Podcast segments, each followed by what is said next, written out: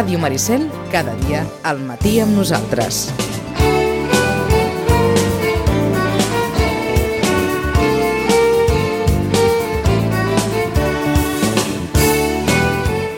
Deu i vuit minuts i dos autors de He sobreviscut a les decenals de Valls i he sobreviscut al Carnaval de Vilanova, arriba Penso celebrar com ningú el 50è aniversari dels bordegassos de Vilanova.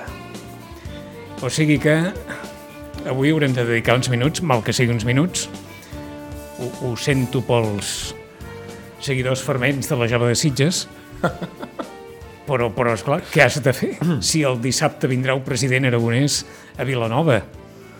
Saben que el president aragonès està vivint unes hores de gran popularitat i, per tant, no sé jo com el rebreu. Xachi, ben rebut. Ben rebut i ben trobat. Oh, moltes gràcies. Ah, jo suposo que el rebrem... Com es mereix. Sí. No sí. pensat, de fet, ara eh, com la es gràcia mereix. de... Ja veuràs tu. La gràcia de la, Pobre de, home. no, home, la gràcia de la democràcia i la llibertat de- de- d'expressió és No, que no. cadascú eh, recull allò Ja, que ja. sembra, però no crec que sigui... A veure, em sorprendria, podria passar, eh? Però em sorprendria que... que... Jo dic perquè un que a vegades teniu fama de... Els vilanovins tenim fama de molt... Sí, com es diria això de... Uh, com ho diríem Folloneros, això? va. Exacte. Amb- amb Mira, aquest és una, és una bona terminologia. Sí, tenim fama de folloneros. Diria que més que els vilafranquins. Molt més. Molt més, eh? I, I força més que els sitgetans, jo Oh, crec. oh, i tant. És que jo crec que, que més que els sitgetans gairebé molts municipis. Jo crec que Vilanova encara... Nosaltres som molt formals. Sí, però aquest ambient febril del treballador crec que encara està molt cultivat a Vilanova. Per tant, dissabte ve el president aragonès Sí. per començar els actes del 50è 50è. aniversari dels Bordegassos. Es fa un acte concebut, no és una roda, és un acte de presentació al 50è, que no està concebut com una, com una roda de premsa, ni com allò, mireu, aquest és el cartell i aquest és el prova d'actes, i, sinó que està més concebut com una espècie d'espectacle. Eh, i aquest acte eh, en el qual s'han convidat, òbviament, personalitats sitgetanes que, òbviament, havien de ser-hi. Eh, vull dir que no, no estarem sols comarcalment i que estic molt content de que vinguin Com, per exemple, com per exemple en Santi Terraza, no? bon periodista de Casteller, ànima de la revista Castells, per tant... aquí els Bordegassos han dedicat més d'un d'allò. Sí, sí. I, i, i ell a nosaltres, vull dir nosaltres, sí, sí, Però sí. Des de, Aquesta- sempre des de la més pura amistat i ens tenim molt d'apreci. Uh, no, que és un acte important i, i crec que eh, i, i fent el discurs allò comarcal, no? jo crec que és important per la comarca que hi ha, hi ha una colla que, que existeix, que és la tercera més antiga de la comarca, eh, la, la més antiga en, en, en actiu, abans hi havia hagut Castellers a Sitges i abans els xiquets de Vilanova, i ara doncs, eh, aquesta colla doncs, existeix. I si escolta, si l'existència dels bordegassos i, i de la jove, i de la jove i els bordegassos, ha d'alimentar que es facin més castells a la comarca, benvinguts siguin totes dues colles. Per això et pregunto si ara és quan s'està millor que mai. En el sentit de salut castellera eh, a, la, a la comarca. Més enllà del que pot haver significat la pandèmia, eh? Home, no ho sé, és complicat de dir això i més venint de la pandèmia, però veurem com respiren les tres colles. Recordem que hi ha els castellers de les Roquetes també. Veurem com respiren. Però sí que és veritat que és força més divertit que la jove de Sitges i els bordegassos estiguin a un nivell similar que no pas la dècada de finals dels 90, principis dels 2000, on els bordegassos destacaven amb, amb Castells de Nou i Pilar de Set i quedava força lluny d'una jove de Sitges que feia poc que s'havia fundat i tal. A mi jo sempre penso que la, els castells són competència, que no competitivitat, eh, però a mi em sembla molt bé que existeixin les dues colles i que fins i tot algun any estigui la cosa apurada i jo crec que és molt bo això. Els anys més difícils pels bordegassos, quins van ser? Home, la decadència, la, el que se li diu la travessa, la travessa pel desert. No diria decadència perquè a nivell social no n'hi va bé, però a nivell casteller sí. I tota bona colla que, es- que, que s'apreci ha de tenir una travessa pel desert que normalment venen després de les molt bones èpoques.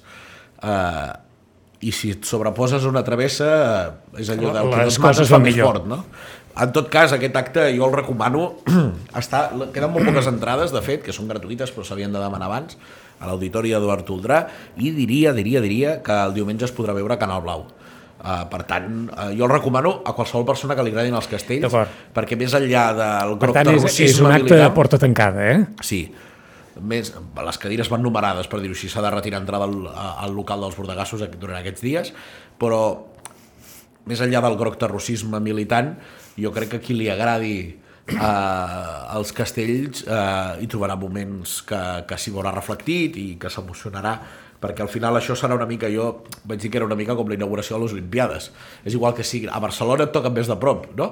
Però és igual, la inauguració de les Olimpiades de Londres t'ha d'emocionar igual que les teves si t'agraden. Quan arrenqueu temporada? Arrenquem en no res, però allò oficialment i tradicionalment, eh, sé que hi ha alguna sortida abans que no me'n guarda de desvetllar perquè encara no és públic, però anem a, fem prèvia de Sant Jordi, Sant Jordi, que és el dia que bufarem les espelmes, el dia de Sant Jordi és el dia que van néixer els bordegassos, per tant farem 50 anys aquell, aquell dia.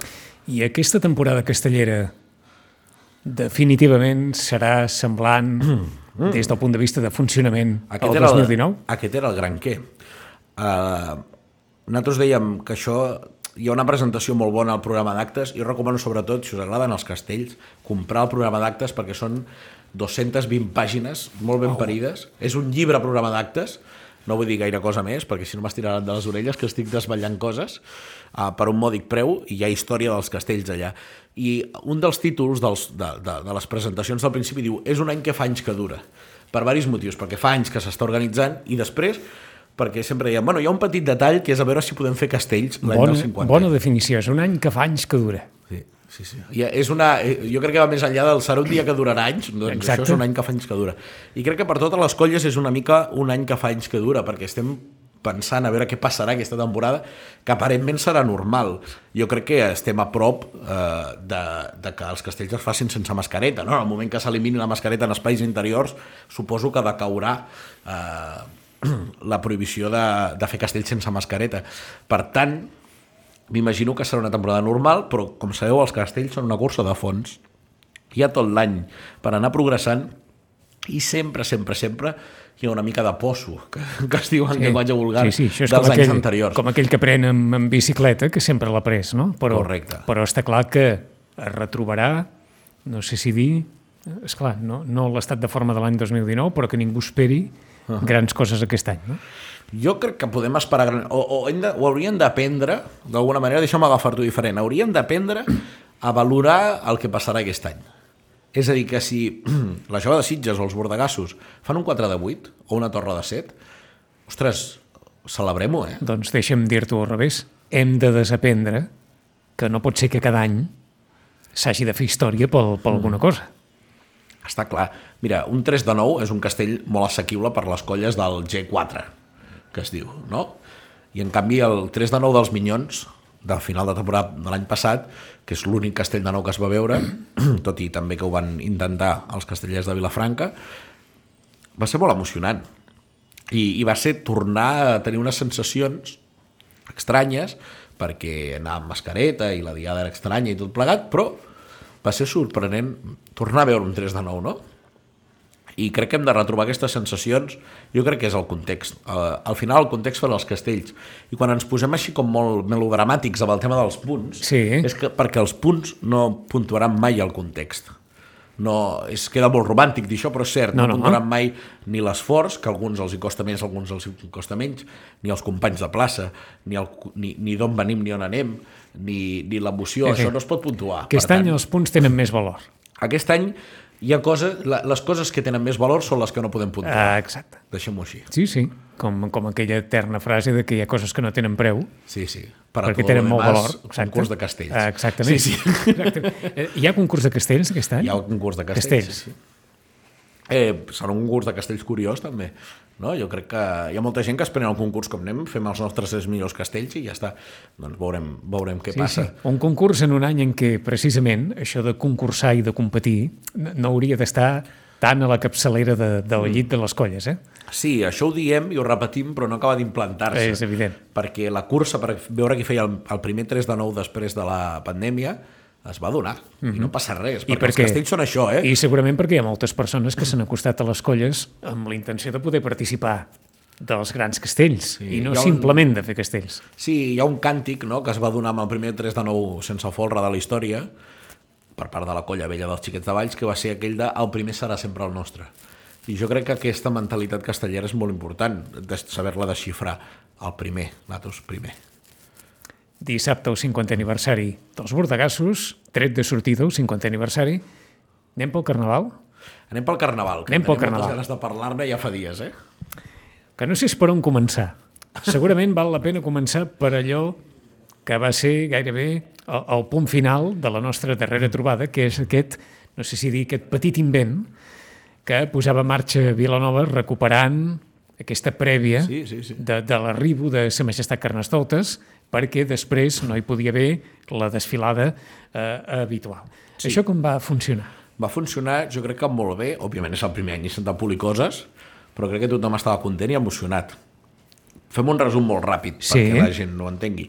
Uh, tenim molta documentació que des de mitjans del segle XIX fins a ben entrat al segle XX, els diables i el drac, en algunes ocasions, obrien la comitiva de l'arribada, de l'arribo del Carnestoltes i l'acompanyava fins a la plaça de la Vila perquè pronunciés el seu sermó. Dit això, eh, es van fer unes investigacions o, o es van adonar, perquè és una cosa que ja estava descoberta, però es va posar en solfa el tema de que no era el ball de diables com a tal, no era el Lucifer la diablesa, l'Angelet, els timbals, i, sinó que eren uns diables de participació individual que es diuen, que són, eh, com passa per exemple a Reus, per la, per la baixada de la Misericòrdia, que els diables tenen el seu propi traje, port... perdoneu, porten les seves pròpies carretilles i eh, no salten, a l'estil sitgetà, Sí. eh, i caminen, bàsicament, i desfilen i van obrint eh, amb una constant de foc. Llavors es va voler recuperar aquest model, es, van, es va trobar o es va, es va posar en valor també una peça de, del segle XIX, un vestuari del segle XIX que es va trobar gràcies a la, a la família Oriols Roig, i, i a part a part tenim el, el, el quadre del drac de l'Enric Cristòfol Ricard on es veuen aquests diables arlequinats, taronges i, i, i marrons, per dir-ho així i el que va acabar passant doncs, és que aquest, eh, es va recuperar tot aquest model i poden sortir tots els diables i exdiables. Per tant, més de 80 diables van obrir pas, i el drac uh -huh. van obrir pas al rei Carnestoltes. Una cosa que, per cert, també havia passat a Sitges. Eh? A Sitges És els que diables això havien vol- encapçalat l'arribada No del rei, en- si no m'equivoco, al primer terç del segle XX, com a mínim. No en sóc cap expert, però una documentació de, dels anys 20, jo diria, del segle passat, n'hi ha dels diables obrint pas al Carnestoltes. Mira que es va fer el llibre de, de cinc mirades de la història del Carnaval i ara ja no recordo, Sí, sí. Dic que segur que- que en deu quedar hi ha- constància, hi ha- eh? És, és normal, eh? però anava a dir no ens ho diguis en veu alta perquè, perquè veuràs, No, perquè encara- Bé, encara ho encara ja, que ja m'ho veig venir això. El, el cas és que va agradar prou com per pensar que cada any això... A veure, això neix per quedar-se cada any, perquè primer per l'esforç que suposa. Sí, però vull dir, a vegades pots fer un esforç i que diguis, mira, a la gent això ni Mm. No, li ha anat però- ni li, ni li ha vingut. Els, els tratges són a nivell particular, és a dir, tu tens el teu tratge privat i hi ha una, una espècie de règim intern que diu que només el pot heretar algú de la teva família, no, Ui, no te'l de pots Déu, ja- revendre i aquestes de Déu, coses. Ja comencem. Sí. Sí. Bàsicament per tenir una mica el control del parc D'acord. de, de tratges que, de tratges que, que hi han. Però és força Però sí interessant que gairebé en aquest això. cas la participació és hereditària. No, no, de has d'haver estat diable, clar. Has d'haver estat diable. O ser diable en actiu. ser diable en actiu, però aleshores, eh, eh, diguem-ne, és el teu familiar el qui d'alguna manera heretarà el teu paper, Si vols, sí. si vols, sí, El trajo. el trajo. Sí, sí, el trajo porta, com els nens al col·le la bata, porta el Sí, nom darrere. porta el nom darrere? Sí, sí. d'acord. I, i bé, uh, jo crec que va ser una cosa molt, molt xula, molt lluïda i que va funcionar molt bé. I està molt bé que hi hagi gent que treballa en l'aspecte de recuperar, posar-lo al dia, és a dir, sense fer escarafalls i tirar de l'època, que no sembli antic, que sembli clàssic, que és lo important, i d'altra banda que tinguin carinyo pels detalls, perquè hi havia molt de detall en tot el que es va fer. Uh, I jo crec que això la gent, com a mínim la gent que n'és conscient i que es preocupa, ho nota i ho valora. Aleshores, en el cas de Vilanova, perquè les bones xifres de la Covid van venir pocs dies abans de la celebració del Carnaval i per tant ja no hi va haver temps de poder refer el que d'alguna manera ja s'havia eh, programat eh, dies, dies enrere, molts van trobar a faltar la, diguem-ne, rua desfilada posterior? Jo no sé si molts la van trobar a faltar. El que jo crec és que... Uh, com tu diria... Deixa'm buscar la paraula exacta. Crec que en el moment de ser divendres, que arribés al Carnestoltes, que es fes aquesta desfilada òbviament hi havia gent molt contenta perquè no li agrada com, com és ara el tema de les carrosses Sí. i òbviament hi ha gent que es dedica durant tot l'any cos i ànima al tema de les carrosses No li agrada Que perquè, agafant allò la terminologia de les àvies, perquè ho veu tot molt desmarxat, per dir-ho d'alguna manera. desmarxat i que segurament no és el que era, sinó que és una desfilada amb, amb, amb gent darrere d'unes carrosses que no té més gràcia més enllà del sortir i fer una discoteca mòbil. I això és l'opinió de molts. I molts altres, que els hi sembla una cosa la mar de divertida, totalment legítim i que surten. Per tant, tenim, una, tenim les dues Vilanoves aquí una mica. Però en tot cas, jo crec que en el moment que comença la festa no et trobes a faltar tampoc. És a dir, qui va voler tenir festa, passar-s'ho bé, el divendres a Vilanova, en va tenir i prova d'això eren els carrers. Al final, quan hi ha una festa, tu la pots vehicular d'una manera o d'una altra. Però si la gent en té ganes, es fa, eh? Això és indubtable. Per tant, tornarà l'any que ve la desfilada d'alguna manera o d'una altra. Jo crec que sí. Però en tot cas, eh, per entendre els tempos, eh, es fa el sermó i després hi ha aquesta desfilada de l'arribo, o cercavila de l'arribo. Lo dels diables és abans. Arriba el Carnestoltes, l'acompanyen a passar la vila. Per tant, no es trepitgen. Eh? Això és important. Quina sensació tinc que a tu t'agrada més la part d'abans que la part de després? A mi la part de després hi he sortit molts anys i he dedicat, perdoneu-me que ho expressi així, eh? però he dedicat molts esforços a intentar conduir-la cap a on jo creia que havia d'anar.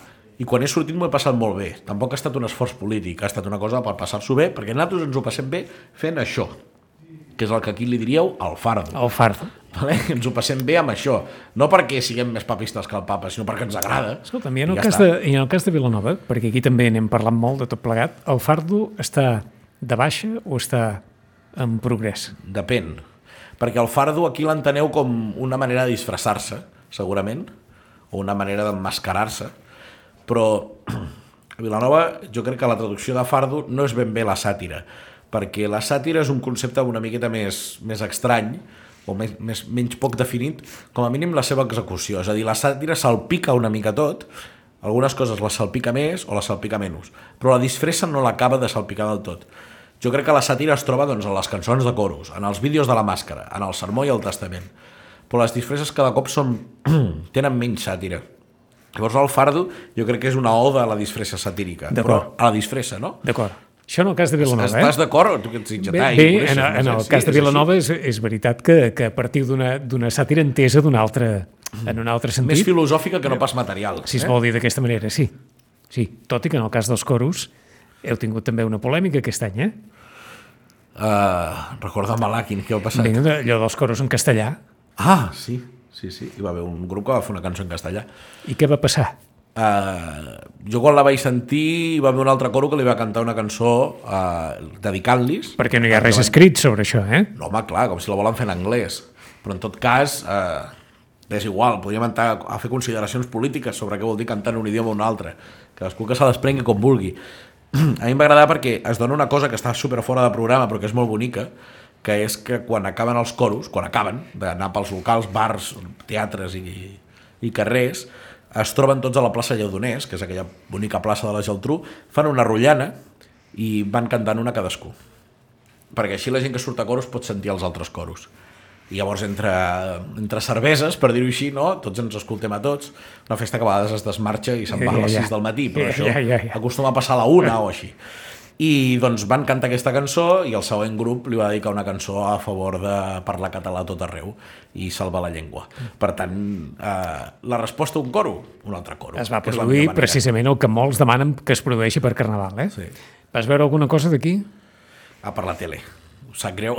No, home, no. Però sí, sí, no, per la tele m'ho passo tot, sí, m'agrada molt a més veure-ho i, i de fet ara quan he arribat a Sitges hem tingut diverses converses sobre el tema i, hòstia, tu com ho veus? I, es fa l'esforç per això, es fa l'esforç per l'altre.